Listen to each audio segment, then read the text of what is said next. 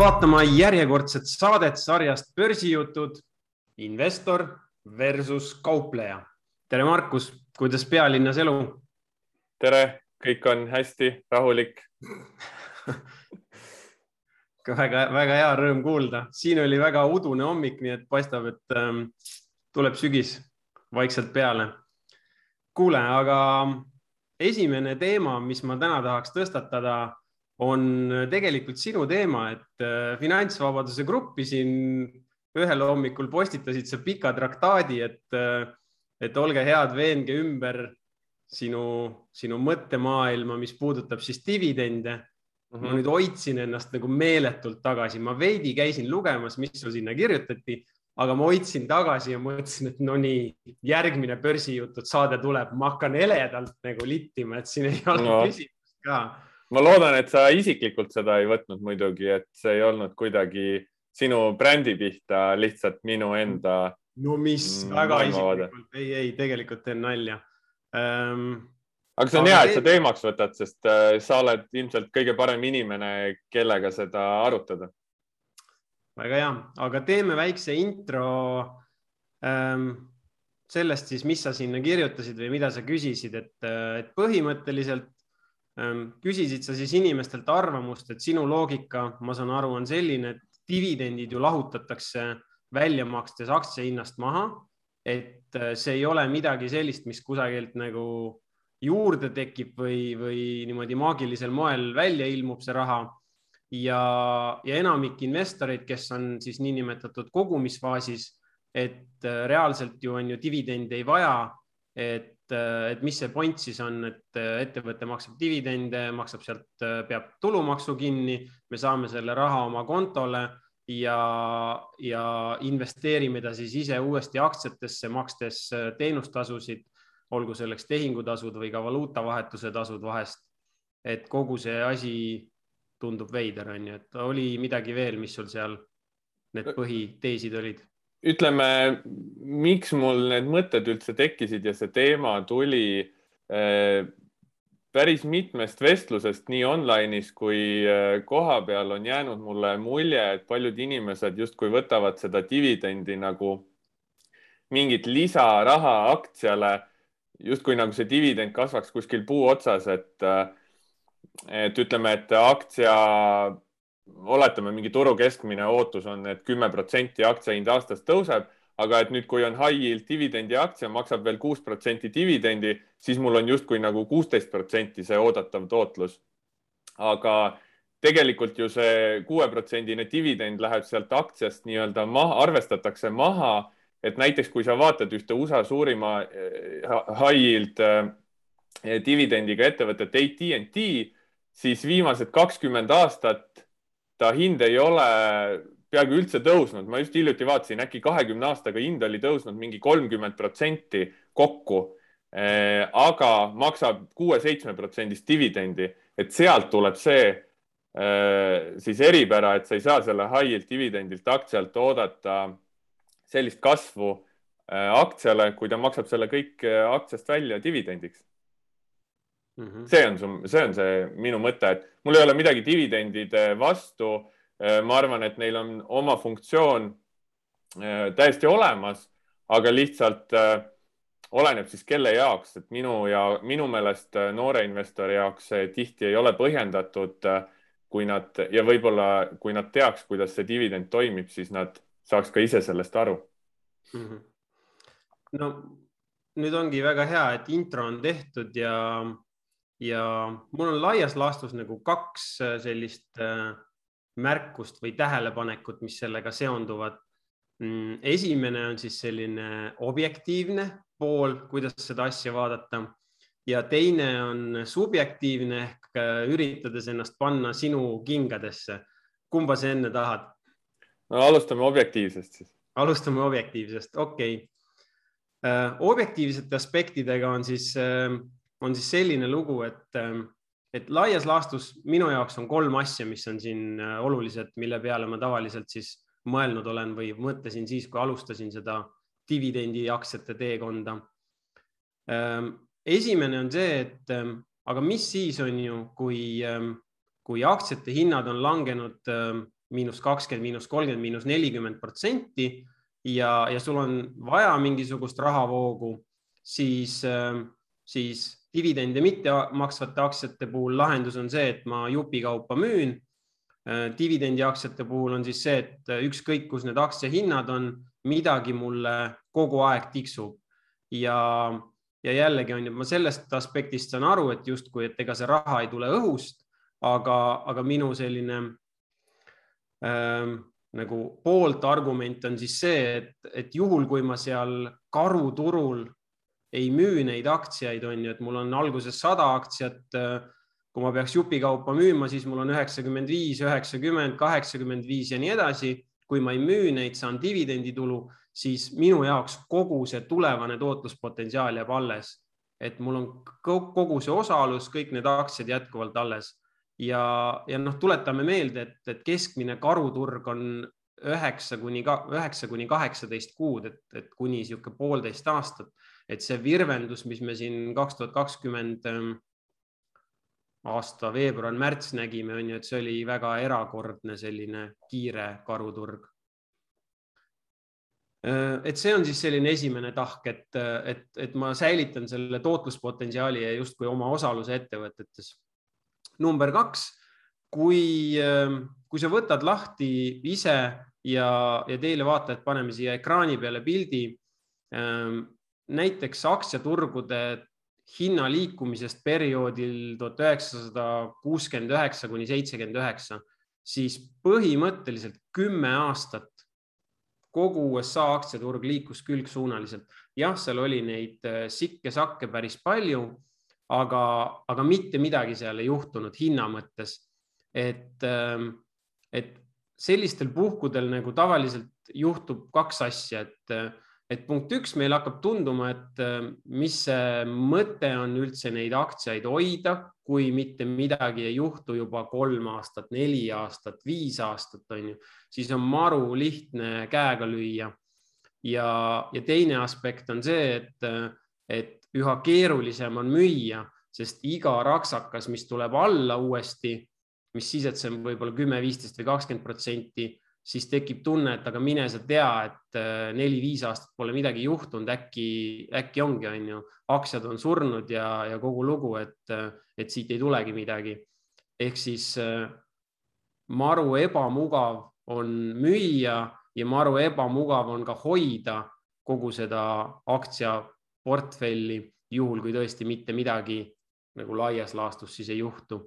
ja, ja teisalt on ju, see oligi see äh, aastakümme, kus väga suur osa tootlusest, äh, praktiliselt kogu tootlus tuligi dividendidest. inflatsioonimäärad olid kõrged, intressimäärad olid kõrged, dividendimäärad olid kõrged, on ju seal viis, kuus, seitse, kaheksa kuni kümme protsenti kohati. et, et sealt see tootlus siis justkui tuli äh, jah, ma olen üldiselt nõus, et ega aktsiate või ettevõtet ei peaks, kindlasti ei peaks ettevõtet vältima sellepärast, et ta dividendi maksab seal kommentaariumis Kristi kirjutas ka, et see, et kui keegi tahab Balti börsilt mingit aktsiat ja ta juhuslikult maksab dividendi, siis see peaks ju fine olema ja see ongi fine.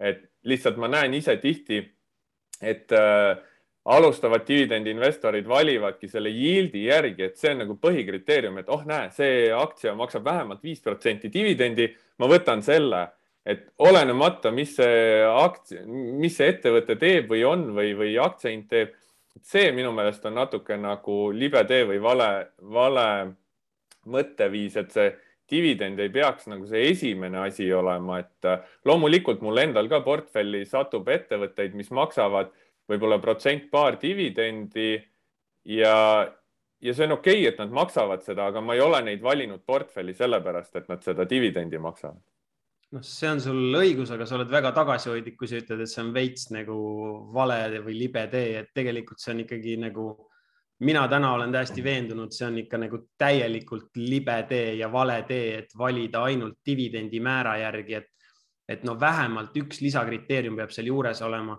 et sa pead siis kontrollima, et see dividendimakse on jätkusuutlik. Et kui sa ainult, ainus asi, mille peale sa loodad, näiteks seesama AT&T näide, et et aktsia hind ei tee kümme, kakskümmend aastat praktiliselt mitte midagi. ma tahan saada sealt oma kuus, seitse või kaheksa protsenti ja ma olen rahul, siis nagu no ole kindel, et see dividendimakse on siis jätkusuutlik. et seda praktiliselt üldse ei tehta, on ju. aga, aga jah aga minu meelest nagu mingi kriteerium siis kas fundamentaalne või tehniline peaks seal veel olema, et noh, vaat kui ma võtan nagu ainult selle et, et viis protsenti dividend ja see iga aasta eh, kaks protsenti kasvab, et kas see on nagu piisav info, et olla mingis ettevõttes osanik või omanik? Eh, see on minu meelest justkui, et ma panen oma raha sinna aktsiatesse ja siis võtan viie protsendi kaupa seda välja. aga ma ju tegelikult tahan, et ka see, see nii-öelda see vedur, see ettevõte ise et seal ka mingi point oleks, miks ma oma raha sinna dividendi välja võtma üldse panen. ja, ja et, et see, et see nominaalväärtus või see põhiinvesteering ei väheneks, on ju, et see ka ikka kasvaks. noh, mina tahan, et ta tavaliselt kasvaks vähemalt inflatsiooniga samas tempos. et muidu sa ju kaotad äh, nii-öelda ostujõu mõttes oma põhiosa kogu aeg mis sa oled investeerinud. aga sul oli nüüd mingi subjektiivne minu äh, kingadesse pandud. kolmas, kolmas aspekt on veel, on ju, mis on objektiivne. Äh, noh, niivõrd-kuivõrd, aga, aga, aga see käitumislik, käitumuslik pool, et sa ise kirjutasid ka sellest seal postituse sissejuhatuses, et et tegelikult just seda käitumuslikku osa investeerimise edus ei tasu alahinnata, sellepärast et noh, lihtsalt omal nahal ütlen, et et ikkagi on lihtsam hoida äh, langeval, langeval turul, karuturul või külgsuunalisel turul neid äh, rahavoogu maksvaid aktsiaid ja, ja kui nad isegi maksavad protsendi kaks või, või kolm, et, et see on ikkagi kuidagi minu jaoks on alati signaal, et kui asjad on halvasti ja ettevõte jätkab dividendi maksmist või veel nagu tõstab neid, siis siis tegelikult on ju äril läheb müü hästi. ära, müü ära, langeval turul ei peaks lihtsalt aktsiates olema või langevas aktsias ei peaks olema, see on see point, parem point. no okei okay,, no vot, see on kaupleja perspektiiv jah. et ähm, jah, aga noh, vaata enamus äh,, ütleme, et enamus sellised erainvestorid, väikeinvestorid või hobiinvestorid, kuidas me iganes neid vaatame, kes nagu aktiivselt kauplemisega ei, ei soovi tegeleda ja, ja turgu ajastada, siis, siis no lihtsalt on lihtsam hoida seal äh, asju, mis maksavad, äh, maksavad dividendi. Ja nagu ma enne ütlesin, on ju, et, et noh, kuni poolteist aastat on ajalooliselt olnud keskmise karuturu pikkus ja, ja noh, olgem ausad, et äh, kui me vaatame, et täna, kes meil siin investeerimise ja kauplemisega kodubörsil tegelevad, siis ma julgen öelda, et võib-olla niisugune kaks kolmandikku neist ei ole näinud nagu ühtegi kriisi, rääkimata sellisest tavapärasest karuturust. ja, ja noh, nii ongi, et. Äh, sa, sa mainisid seda hobiinvestor, ma, ma alati, kui kuskil kuulen raadios või podcast'i või kuskil kedagi tutvustatakse hobiinvestor või hobikaupleja, siis alati tõmban kohvi kurku endale, et, et minu jaoks hobi on see, kus sa maksad peale.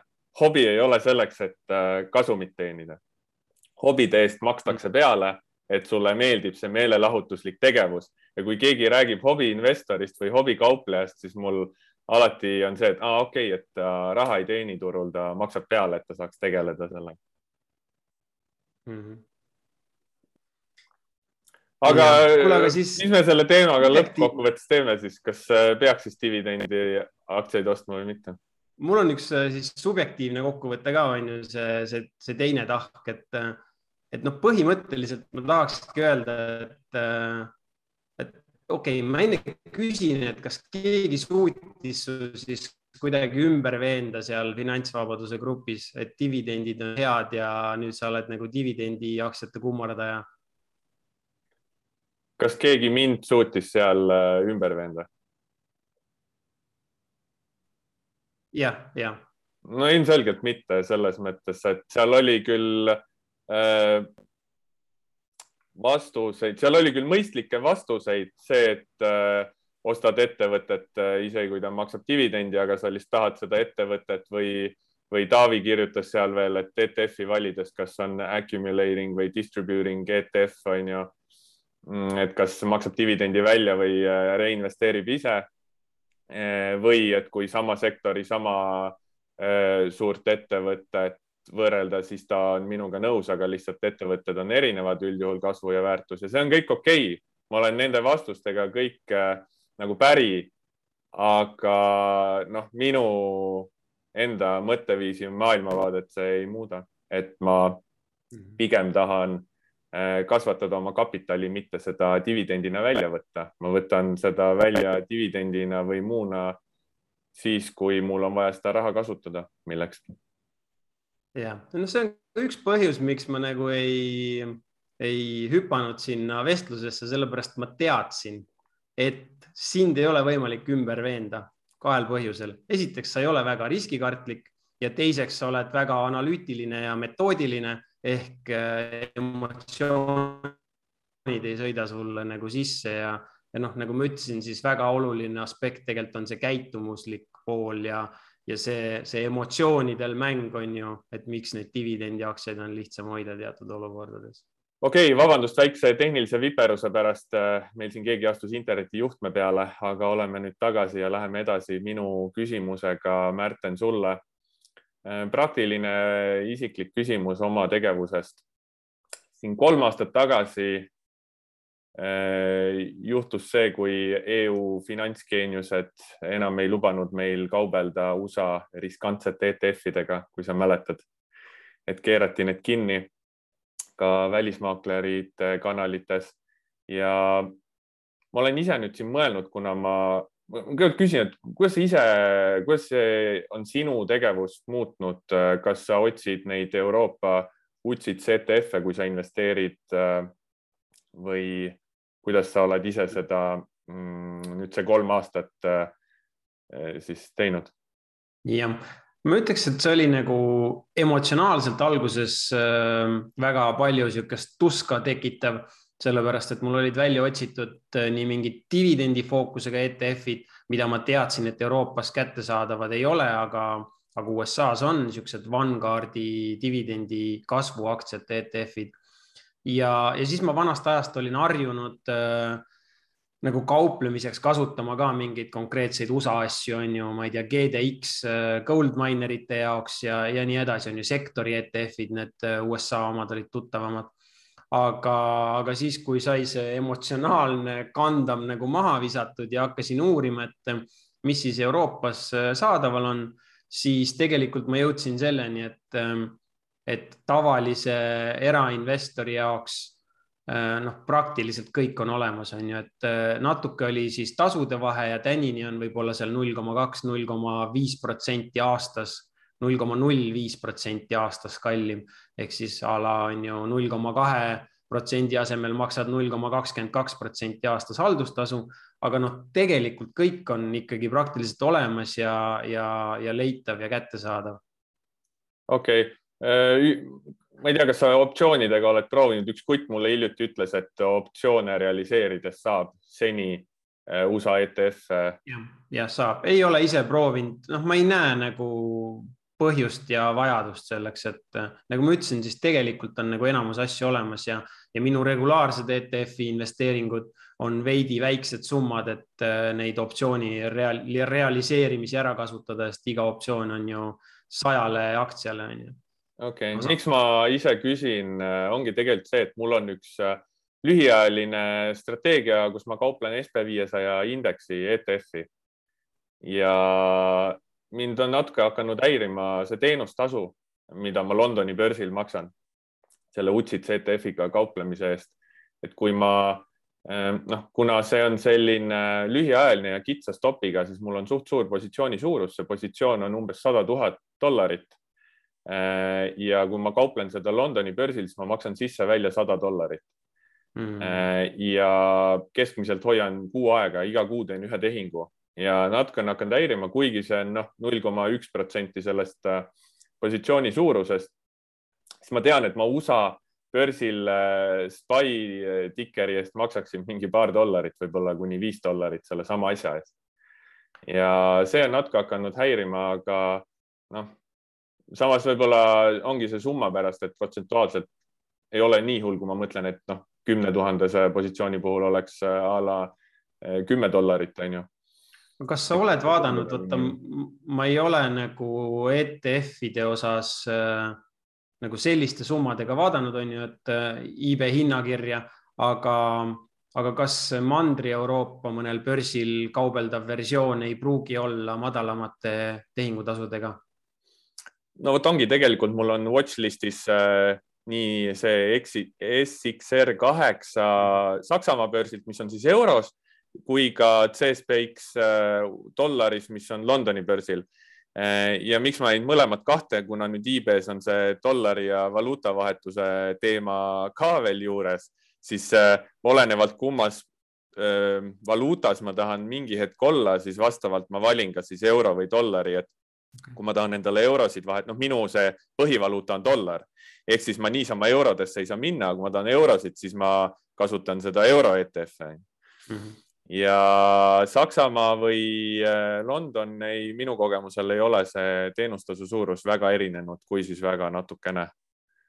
aga suurusjärk sihuke sada daala sisse-välja, äh, nii-öelda round trip äh, tuleb ikka ja olen vaadanud CFD-sid, futuure, optsioone aga seal on mingid oma nüansid, pean hakkama strateegiat natukene ümber tegema, ei saa päris samamoodi kaubelda nagu ETF-i.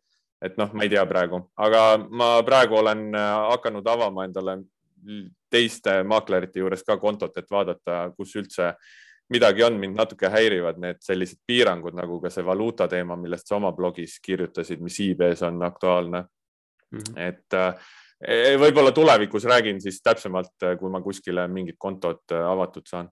kas sa need asjatundliku kliendi äh, nõudmised oled üle vaadanud, et sealt sa ei saa kuidagi läbi, ei pääse? korra mõtlesin selle peale, ma ei tea, kas ma seda paberimajandust ja seda, et noh, professionaalsena ennast seal nii-öelda määrata ma ei tea, üks, see oli vist, et pool miljonit peab olema, noh, isegi kui ma selle pool miljonit kokku saaks, siis äh, see peaks olema kõik ühe maakleri kontol, nii et seda lähiajal nagunii ma ei plaaniks teha. ma ei tea, kas see nõue on tegelikult, et ta peab kõik ühe maakleri kontol olema, et, et ma ise ka korra käisin selle protsessi läbi mul oli mure siis selles, et neid nagu kauplemisaktiivsust ei olnud väga palju ja, ja minu see nii-öelda finantssektori töötamiskogemus, ma ei suutnud neile ära tõestada, et, et mul on siis nagu palk laekunud huvitaval kombel, et, et konto väljavõttest lihtsalt ei piisanud. ja huvitav, aga sa peaks saama ju kuskilt Maksuametist võtta mingisuguse deklaratsiooni, kus on see palk kirjas. Äh, ja tõenäoliselt ikka saab jah, aga noh, see langeski kokku siis umbes täpselt selle ajaga, kui ma kolisin äh, ennast Lünksist IB-sse ja, ja siis kõik see asi äh, jäi soiku, et siis tuli see, see pandeemia laks ka veel peale ja jah, eks seda, selle professionaalse konto peal, seda ma olen nagu mõelnud, ma ei ole hetkel seda ette võtnud, kuigi mingil määral, kui OÜ-le teha konto, siis mingil määral nad võtavad sind juba professionaalse kauplejana, kuna igasugused real-time data teenustasud on kõrgemad, aga vist mitte selles samas äh, MIFID-i regulatsioonis. selles raamistikus. mis, mis tegelikult on veel sellega seoses, mis ma olen ise paarist podcast'ist hiljuti saanud aru, et äh, miks paljud ETF-id ei, alguses mulle tundus, et see ETF peab lihtsalt mingisuguse ühe PDF-i mingi kiitdokumendi või mingi fact sheet'i juurde tegema, et saada EU-s kaubelda. aga mm. nagu ma praegu nüüd aru saan, siis äh, need EU MIFID-i ETF-i reeglid lähevad mingil määral vastuollu selle USA SEC finantsjärelevalve regulatsiooniga. ehk siis äh, nad peavad ikkagi avama Euroopas uue juriidilise keha, et siin EU-s oma neid ETF-e pakkuda ja sellepärast Vanguard, iShares ja need suuremad on seda teinud, et neil tasub see, neil on piisavalt mahtu ja kapitali, neil tasub see ära aga mingid väiksemad butiigid, kes äh, USA-s ETF-e pakuvad, neil lihtsalt ei tasu ära siia Euroopasse tulla ja nad ei saa USA-st seda pakkuda, et nad läheks siis oma kohalike regulatsioonidega vastuollu mm. -hmm. ja täpselt noh, kuna Vanguard ja BlackRock ja, ja mõned suuremad veel on siin Euroopas juba kanda kinnitanud, siis selle uue regulatsiooniga seoses äh, noh, oligi suur küsimus, et kui me juba siin oleme ja meil on oma fondivalik olemas, et miks me raiskame ressurssi, et need need USA börsil kauplevad asjad ka veel nagu, nagu kooskõlastada, on ju, või, või, või muuta siis seadustele, Euroopa seadustele vastavateks, et, et tegelikult töö oli tehtud ja Euroopas on oma fondid olemas ja et ei ole nagu mõtet ju higistada mm,. aga jah, eks, eks saab vaadata, eks ma vaatan, kui midagi uut äh, avastan või näen, eks ma siis annan tulevikus teada, aga hetkel ma ei ole midagi paremat leidnud, ise ilmselt jätkan selle sajataalase teenustasuga kauplemist, seda positsiooni mm. -hmm kuule, mul on sulle üks küsimus veel ja see on äh, nüüd ka mõnes mõttes praktiline küsimus, et, ähm, et aga omapärase ja huvitava nurga alt. nimelt mul ähm, sugulane elab ja töötab Austraalias ja hiljuti me siis veidi chat isime ja, ja eks ta teeb seal siis siukseid igasuguseid äh,, igasugu töid nagu noored Austraalias teevad, et äh, et pakib kaevuritele viissada võileiba päevas ja paneb mingeid tellinguid püsti ja, ja, ja midagi taolist. ja, ja nüüd jutustades natukene tulevikuplaanidest, siis ta ütles, et nad koos oma Peikaga kavatsevad siis paar kuud veel kõvasti töötada ja uue aasta algusest võtta ette kauplemise teema ja teha endale kõik nagu korralikult selgeks, on ju, ja põhjalikult. Ja, ja minu küsimus nüüd ongi, et, et ütle neile mingi kolm-neli asja, mida nad esimesena tegema peaksid või kust nad äh, alustada võiks. okei okay., äh, las ma mõtlen, väga niisugune käigu pealt küsimus. Äh, esimene asi oleks alustada väikeste summadega. et kui sa väikeste summadega ei suuda kasumlikult ja emotsioonivabalt kaubelda, siis suurte summadega on see veel raskem. Ja tihti äh, on paljudel see, et ikkagi mingi väike ahnus on ka või näed, et teised teenivad ja aktsiad liiguvad üles-alla, et tahaks nagu kohe teenima hakata. aga tegelikult võiks kõigepealt äh, õppida kaotama, enne kui õpid teenima ja seda väikeste summadega kaotama, siis et sa saaksid aru, kuidas turud liiguvad, kuidas riski hinnata, kuidas, äh, kuidas kogu see protseduur käib, ehk siis esimene asi oleks äh, alustada väikeste summadega. teine asi äh, mm, natuke, natuke võib-olla sarnane, aga ikkagi see, et, et protsess on olulisem kui tulemused. esimene aasta kindlasti et mõtle strateegiate peale, mõtle, mis aktsiaid, mis turul äh, sa tahad kaubelda, mis ajahorisondis oled sa päevakaupleja, swing kaupleja või trendipositsiooni kaupleja, tee nagu see mingi maailmavaade endale või pilt selgeks. kes sa tahad olla, kus sa tahad kaubelda, kellega sa konkureerid, on ju, et kas sa tahad päevasiseselt konkureerida suurpankade algoritmide ja robotitega või sa tahad äh, vaadata turge kord päevas, kord nädalas ja nii-öelda samm tagasi ja teha vähem tööd siis suurema tootluse, noh, nii-öelda positsiooni, üksiku positsiooni mõttes suurema tootluse eest. et sa võtad äh, aktsia liikumiselt nagu suurema osa, seda ma mõtlen, et mm. mõni siin päeva kaupleb Tesla aktsiat, on ju, ja võtab sealt mingi viieprotsendise liikumise, noh, mina hoian näiteks aasta aega ja võtan sealt saja, kahesaja protsendise liikumise, see vahe äh, ja kolmas, sul peab olema selle vastu huvi, sa pead tahtma õppida ja areneda, sul peab olema turgude ja börsi ja selle tegevuse vastu huvi, mitte huvi teenida sellega raha. vähemalt see ei tohi nagu esimene eesmärk või esimene huvi olla see rahaline pool. et äh, väga raske on teha seda ainult raha pärast pikaajaliselt ja hästi mm noh, et sul peab olema huvi kogu aeg õppida ja asjadega kaasas käia, et kuigi tihti alguses tundub, et see on lihtne raha, siis tegelikult ma arvan, et on mujal palju kergemini võimalik raha teenida kui börsil, kui sul ei ole huvi ja sa teed seda ainult raha pärast, et see on siis kolmas. Mm.. ma küsin su käest mõned jätkuküsimused ka, et, et äh, okei okay,, väikeste summadega, mida see tähendab, ütleme, et meil on siis mingi mõistlik äh, maakler ära valitud, kus noh, a la Interactive Brokers või midagi taolist, kus, kus tehingutasud on niisugused madalamad ja, ja mis need väiksed summad tähendavad siis, et, et kui mu kapital on kokku mingi näiteks kümme tuhat äh, või mu kapital on viiskümmend tuhat või sada tuhat, siis mis need väiksed summad äh, tähendavad?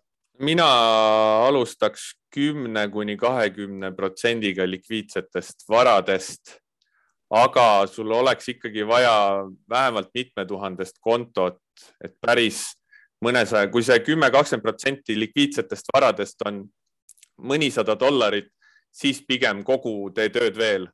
aga kui sul on juba seal viiekümne tuhande daala eest kapitali, noh ja sa alustad viie kuni kümne tuhandese kontoga siis ma arvan, et see on mõistlik. ülejäänud raha võid siis kuskil madalama riskiga investeerida või hoida rahas või kullas või krüptos või no mis iganes, on ju, et äh, noh, kõik need võib-olla ei ole madala riskiga keskmise investori jaoks, aga ütleme oma, oma vaatenurgast rääkides, et et midagi sellist, see võiks olla väikese summaga ja, ja see viis kuni kümme tuhat, siis ütleme selle näite puhul ei ole see, et sa hakkad kogu selle summaga aktsiatest sisse-välja liikuma, vaid selle konto sees omakorda rakendad siis riskihaldusreegleid, et sa ei riski üle ühe või kahe protsendi ühele tehingule, nagu me siin ikka ja jälle rääkinud oleme mm. -hmm.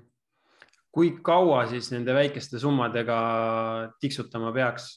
No mina tegin nii, et ma iga kvartal, mis mul lõppes kasumlikult ja ei rikkunud suurelt oma reegleid, eh, tõstsin, eh, korrutasin oma konto ühe koma viiega ja panin raha juurde. Okay. ja tõstsin oma riski korda üks koma viis. Ehk siis viiekümne protsendiga eh, iga kvartal tõstsin ja see oli selline piisav aeg ja piisav tõus et ma tundsin ennast pidevalt mugavalt, et summad ei läinud liiga kiiresti liiga suureks ja ma tegin seda poolteist aastat niimoodi, et iga kvartal tõstsin, enne kui ma jõudsin selleni, et äh, enamus mu kapitali oli mängus ja ma tundsin e-, endiselt ennast mugavalt mm. -hmm no ma tean, et järgmine küsimus, mis ma küsin nüüd jätkuküsimusena on hästi subjektiivne, aga, aga nagu, mis sa arvad, kas on äh, kuidagi mõistlik valida välja ma ei tea, kolm kuni kümme aktsiat, mida sa tunned, on ju justkui või tunnetad justkui oma viite sõrme või sa valid välja selle strateegia lähenemise ja, ja puhtalt selle pealt siis äh, screen'id ja filterdad ja nii edasi? tead, ma teeks mõlemat. kui mina alustasin, siis mina tegin ainult seda teist varianti ehk ma võtsin strateegiat ja ei tekitanud endal sellist äh, watchlist'i mingitest konkreetsetest aktsiatest, aga tegelikult selle strateegiate kõrvale, see on hea mõte, mis sa ütlesid, et võtad mingi kümmekond aktsiat, mida sa jälgid igapäevaselt, paned sellesama aktsiagraafiku alla märkmetena kirja, mida see hind tegi, miks sa seda ostad või miks sa seda müüd. ja tegelikult sellega õpib väga palju mhm. see õppimine, see on ikkagi väga oluline, et sa igapäevaselt tahad tegeleda, tahad uurida, analüüsida ja väikeste summadega praktiseerid, et tunda seda raha emotsiooni, aga mitte nii suurelt, et see hakkab rikkuma su otsustusvõimet. sellepärast on see väike summa oluline, et, et sa harjutaksid ennast ilma selle emotsioonita, mis rikub su otsustusvõimet, aga samas sa tunned seda rahast tulenevat äh, emotsiooni kas alustades peaks kohe siis mingi raha mängu panema sinu arvates või, või a la on ju kolm kuud paper trade ima ehk siis tegema kas virtuaalkontol tehinguid või noh, mida iganes. ma teeks jällegi mõlemat, ma teeks mõlemat, ma alustaks kohe väikese summaga päris rahaga selleks, et tunda seda raha emotsiooni ja õppida kaotama päris raha, sest paberraha kaotamine on noh, tundetu aga samas, miks ma teeks paper trading ut just äh, strateegiate testimiseks ajaloolisel datal, sa liigud kiiremini edasi, kui sa harjutad äh, oma silma ja graafiku lugemist ajaloolise data peal, lisaks siis äh, live data kauplemisel mm. -hmm võib-olla need, need on sellised esimesed soovitused, aga kindlasti peab huvi olema, kui, kui ei ole reaalset huvi selle tegevuse enda ja turgude vastu siis ma pigem võib-olla investeeriks kuskile ETF-idesse ära ja teeks mingit muud tööd, et äh, see ei saa, see teekond ei saa lihtne olema, eriti esimesed aastad. kas sa oskad öelda, ma ei tea, kaks-kolm äh, asja, mida kindlasti vältida ka, mingid tüüpvead või mingid täielikult prohmakad, mida, mida tasub nagu vältida? See, et enne tehingusse minekut ei pane kirja endale stopp target eid ja plaani mm. -hmm. kindlasti peab see kõik olema enne sisenemist kirjas, kus sa väljud ja alustaval kauplejal kindlasti soovitan selle stop lossi panna reaalselt äh, turuorderina sisse, mm, -hmm. mitte siis tehingus olles seda hakata mõtlema, sest noh, mina väga tihti alguses, isegi kui mul oli see stopp sisse pandud, ma cancel dasin selle ära, kui hind sinna jõudma hakkas, mis on väga suur viga. ära tee seda, järelikult kaupled liiga suurelt, kui sa ei julge stopiga seda kahjumit vastu võtta mm. -hmm ma ei ole küll kaupleja, aga ma omalt poolt lisaksin ühe asja, mis, mis ma arvan, on väga oluline, et minu Instagrami feed'il on maru palju neid igasuguseid päevakauplemise kommuune, kaasa arvatud eestikeelseid, kusjuures juba tekib, et, ähm, et ära lase ennast sinna sisse tõmmata mingitel lahedal emo-, lahedatel emotsioonidel, et ma nüüd justkui kuulun kuhugi ja kõik on siin teinud midagi suurt ja sõidavad Lambode ja Ferraridega ringi ja, ja kenasti näitavad seda, et, et ära nagu selle emotsiooniga kaasa mine, et see kõik on nii äge ja ma nüüd paugutan ja, ja ma tean, et võib-olla väga paljud väidavad mulle siin vastu, et äh, võib-olla maraton ju, et, et peabki äge olema ja, ja emotsioon taga, aga, aga mulle tundub, et kui sa alustajana niimoodi ägedusega sisse lähed, siis äh, siis sa teed veel seal kolm aastat Austraalias tööd, et, et saada seda te teist katset, on ju. jah, tõsi, et noh, nagu sa selle Marati näite tõid, siis võib-olla sama, et kui sa tahad selline olla, siis tegele enne vähemalt kümme aastat ja siis, siis ole selline, siis sa näed, kas, kas ja kuidas sa tahad olla sihuke äge ja Ferrari'd ja asjad aga see jah, päris nii lihtne ei ole nagu internetis. internetis on väga palju manipulatsiooni, et äh, suurem osa nendest, kes neid Ferrarisid näitavad kauplemise taustal, on ikkagi turundajad, mitte kauplejad.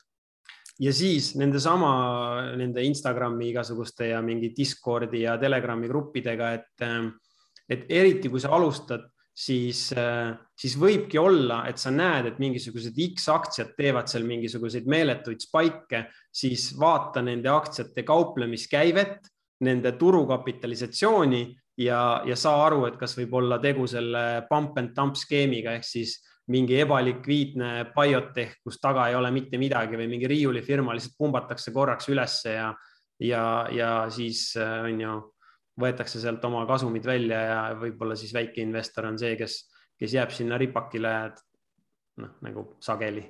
jah, jah, see kauplemismaht on ka oluline, et niisugune rusikareegel on, et äh, ei tohiks kaubelda üle ühe protsendise summaga päeva keskmisest kauplemiskäibest mm..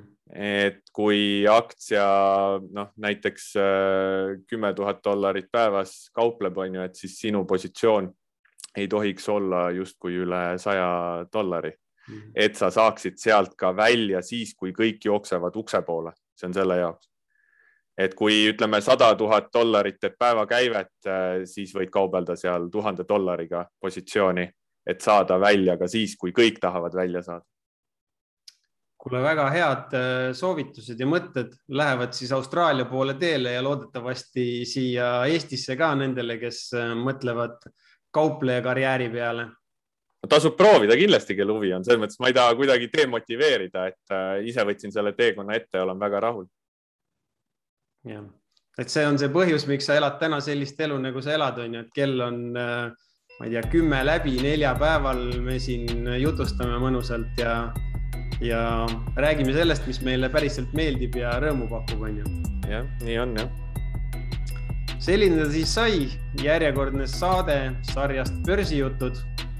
ja meil on natukene vaja neid subscriber eid veel, sest see maagiline tuhat kohe paistab, nii et äh, pange meile neid asju siia igale poole alla. ja like, subscribe ja. kohtumiseni järgmine kord. näeme jälle, tšau. See saade on meelelahutusliku sisuga, me ei soovita osta ega müüa ühtegi finantsvara, iga inimene on vastutav oma finantsotsuste eest. Iga finantsotsus võib viia kapitali kaotuseni